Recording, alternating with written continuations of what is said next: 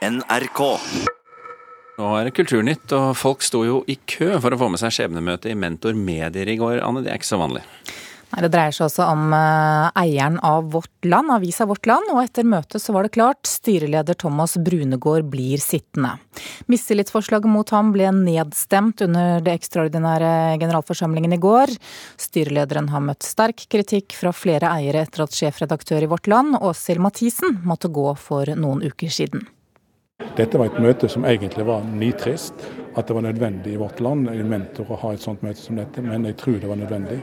Og så tapte vi avstemninga her, men, men, eh, det var et tydelig, likevel et tydelig signal til ledelsen og til styret. Diakonhjemmet, representert ved administrerende direktør Ida Magne Holme, var en av en lang rekke aksjonærer i Mentor Medier som møtte opp for å si sin mening om krisen i konsernet. Det har vært en enorm mobilisering blant småaksjonærene før den ekstraordinære generalforsamlingen i selskapet, som eier både Vårt Land og Dagsavisen. Men mistillitsforslaget ble nedstemt med knapp margin. 52,6% stemte for at styreleder Thomas Brunegård skulle bli sittende, mens 44,3% mente han måtte gå. Brunegård sier han er glad for støtten, og at det ikke er et alternativ å trekke seg selv. Det er klart man funderer. Man funderer jo hva er priset. Det er jo ikke så lett å sitte igjen med en sånn stemme når så mange synpunkter kommer på det arbeidet vi gjør. Men samtidig så har jeg en gang akseptert å bli styreleder, styreordfører. Da får man ta det ansvaret hele veien ut. Bakgrunnen for konflikten er lang tids uenighet mellom styret og sjefredaktøren i Vårt Land om utviklingen av avisen. På toppen har Thomas Brunegård forpurret behandlingen av en varslersak som gikk på trakassering av sjefredaktør Åshild Mathisen. Som følge av dette måtte hun gå 23.3. Birte Eriksen er advokat for varsleren. Hun sier møtet i det minste ga mye ny informasjon om saken, men samtidig også bekreftelser. Nei, altså det følger jo boken og alt eh, vi vet fra forskning om, eh, om utstøtelse av personer som, som reiser kritikk. Og, og, nå har jo både Åshild Mathisen og, og, og, hun som har varslet, utfordret en, en, maktkultur. Og det vi ser da kommer til uttrykk, det er, det er si, motmakt som varsleren og, Åshild Mathisen har støtt på. Selv om det har gått rykter om at de ansatte også har vært misfornøyde med Åshild Mathisens lederstil, er det noe leder i redaksjonsklubben Arne Bamble Kjellaug har avvist. Klubben har gitt sin fulle støtte til den tidligere redaktøren, og håper det blir endringer i styret tross utfallet av møtet i går. Dette er jo et veldig tydelig signal fra eh, den ekstraordinære generalforsamlinga. Selv om mistillitsforslaget da ikke gikk igjennom, så er det såpass jevnt eh, at jeg eh, håper at valgkomiteen tar det med seg når de skal nå lage en innstilling på et nytt styre som skal velges på den ordinære generalforsamlinga 3. mai. Jeg tror det må radikale endringer til i, på styresida i, i, vårt land ved den generalforsamlinga. Ja, det sa til slutt her Idar Magne Holme ved Diakonhjemmet, en av aksjonærene i Mentor Medier. Og reportere her, det var Caroline Tolfsen og Thomas Alvorstein Ove. Agnes Moxnes, kulturkommentator her i NRK. Hvorfor får denne saken så mye oppmerksomhet?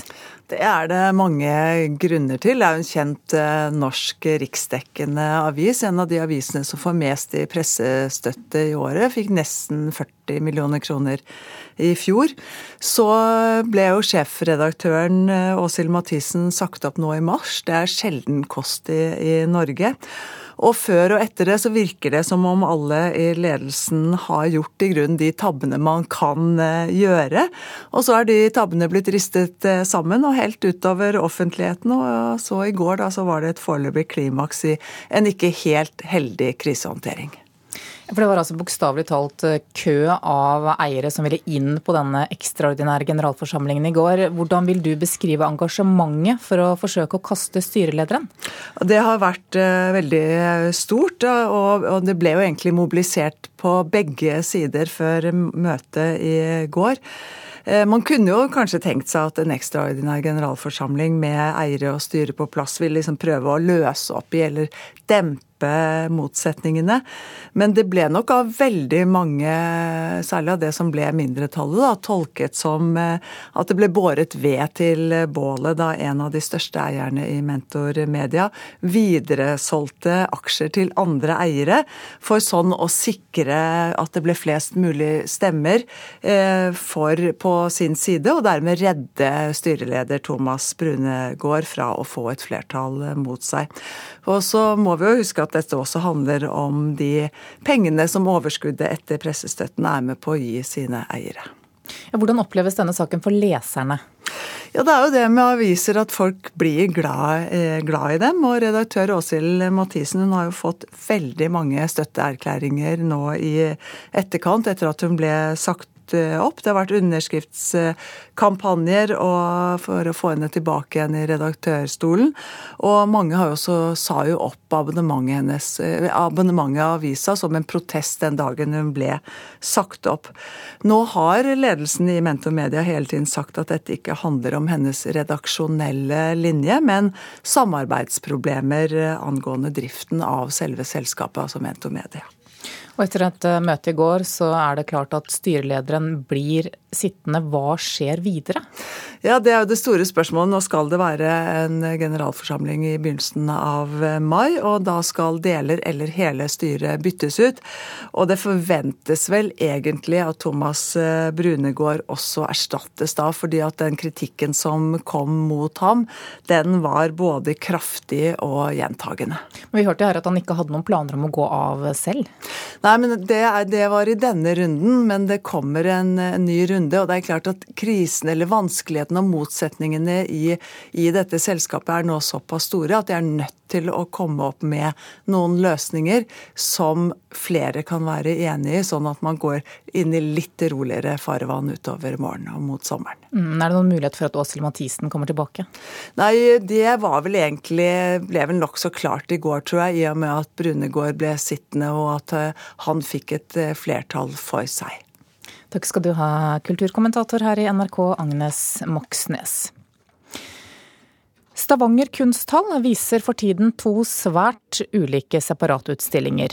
Én med den banebrytende tyske designeren Renate Müller, og én med den amerikanske videokunstneren Alex Bagg. I den første utstillingen så har Kunsthall Stavanger fylt flere saler med leketøy for barn. Og design- og kunstkritiker her i NRK, Mona Pale Bjerke, forklarer hva som er hensikten. Ja, Det er jo å presentere denne leketøysdesigneren som virkelig er en kunstner, for å si det sånn. Eh, Renate Müller hun er en helt fantastisk designer som gjennom hele sitt eh, lange liv, hun er jo gammel i dag, har skapt håndlagde, fargerike leketøy.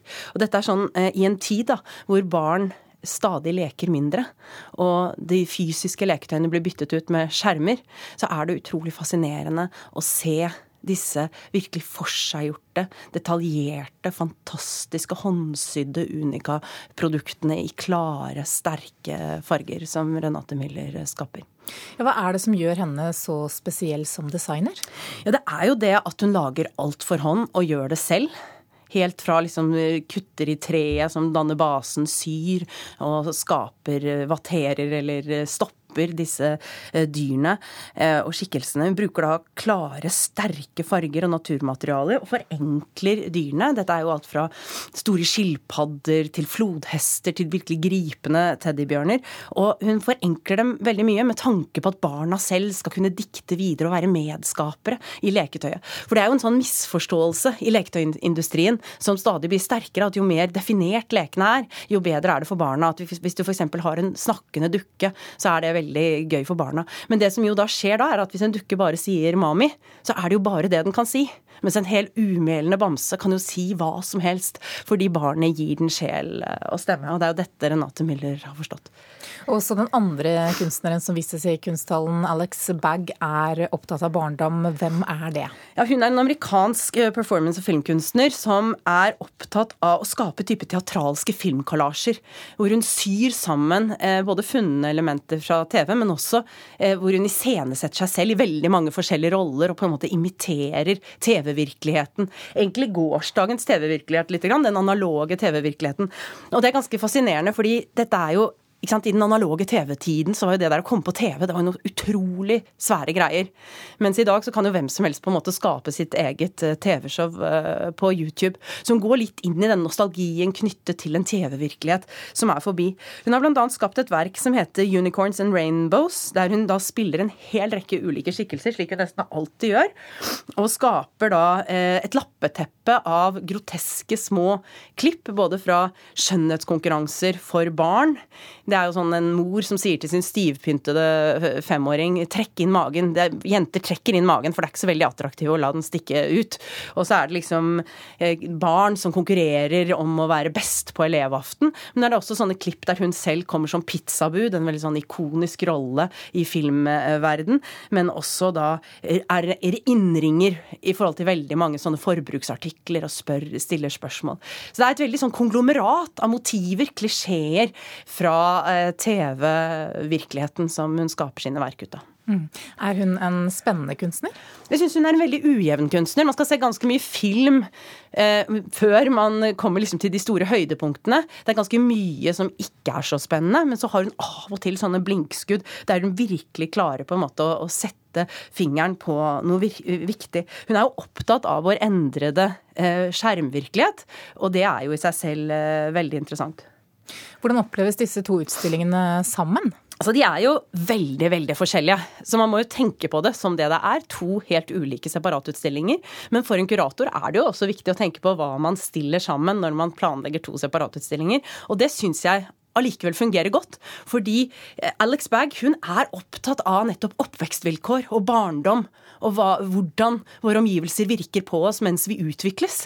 Og dette snakker godt sammen med Renate Müller og hennes veldig sterke univers, eh, som jo nettopp handler om barnets verden. En rik eventyrverden av fantastisk leketøy. Så mm. dette er to hver især veldig severdige utstillinger på Kunsthall Stavanger. Men Er det også da en utstilling for barn? Ja, det er det jo virkelig. Og de, de har, kommer til å arrangere også masse workshops som inkluderer barn. Så dette er absolutt for barnefamilier å ta en tur. Det var altså vår design- og kunstkritiker Mona Pale Bjerke som hadde vært i Stavanger kunsthall og sett på disse to svært ulike separatutstillingene.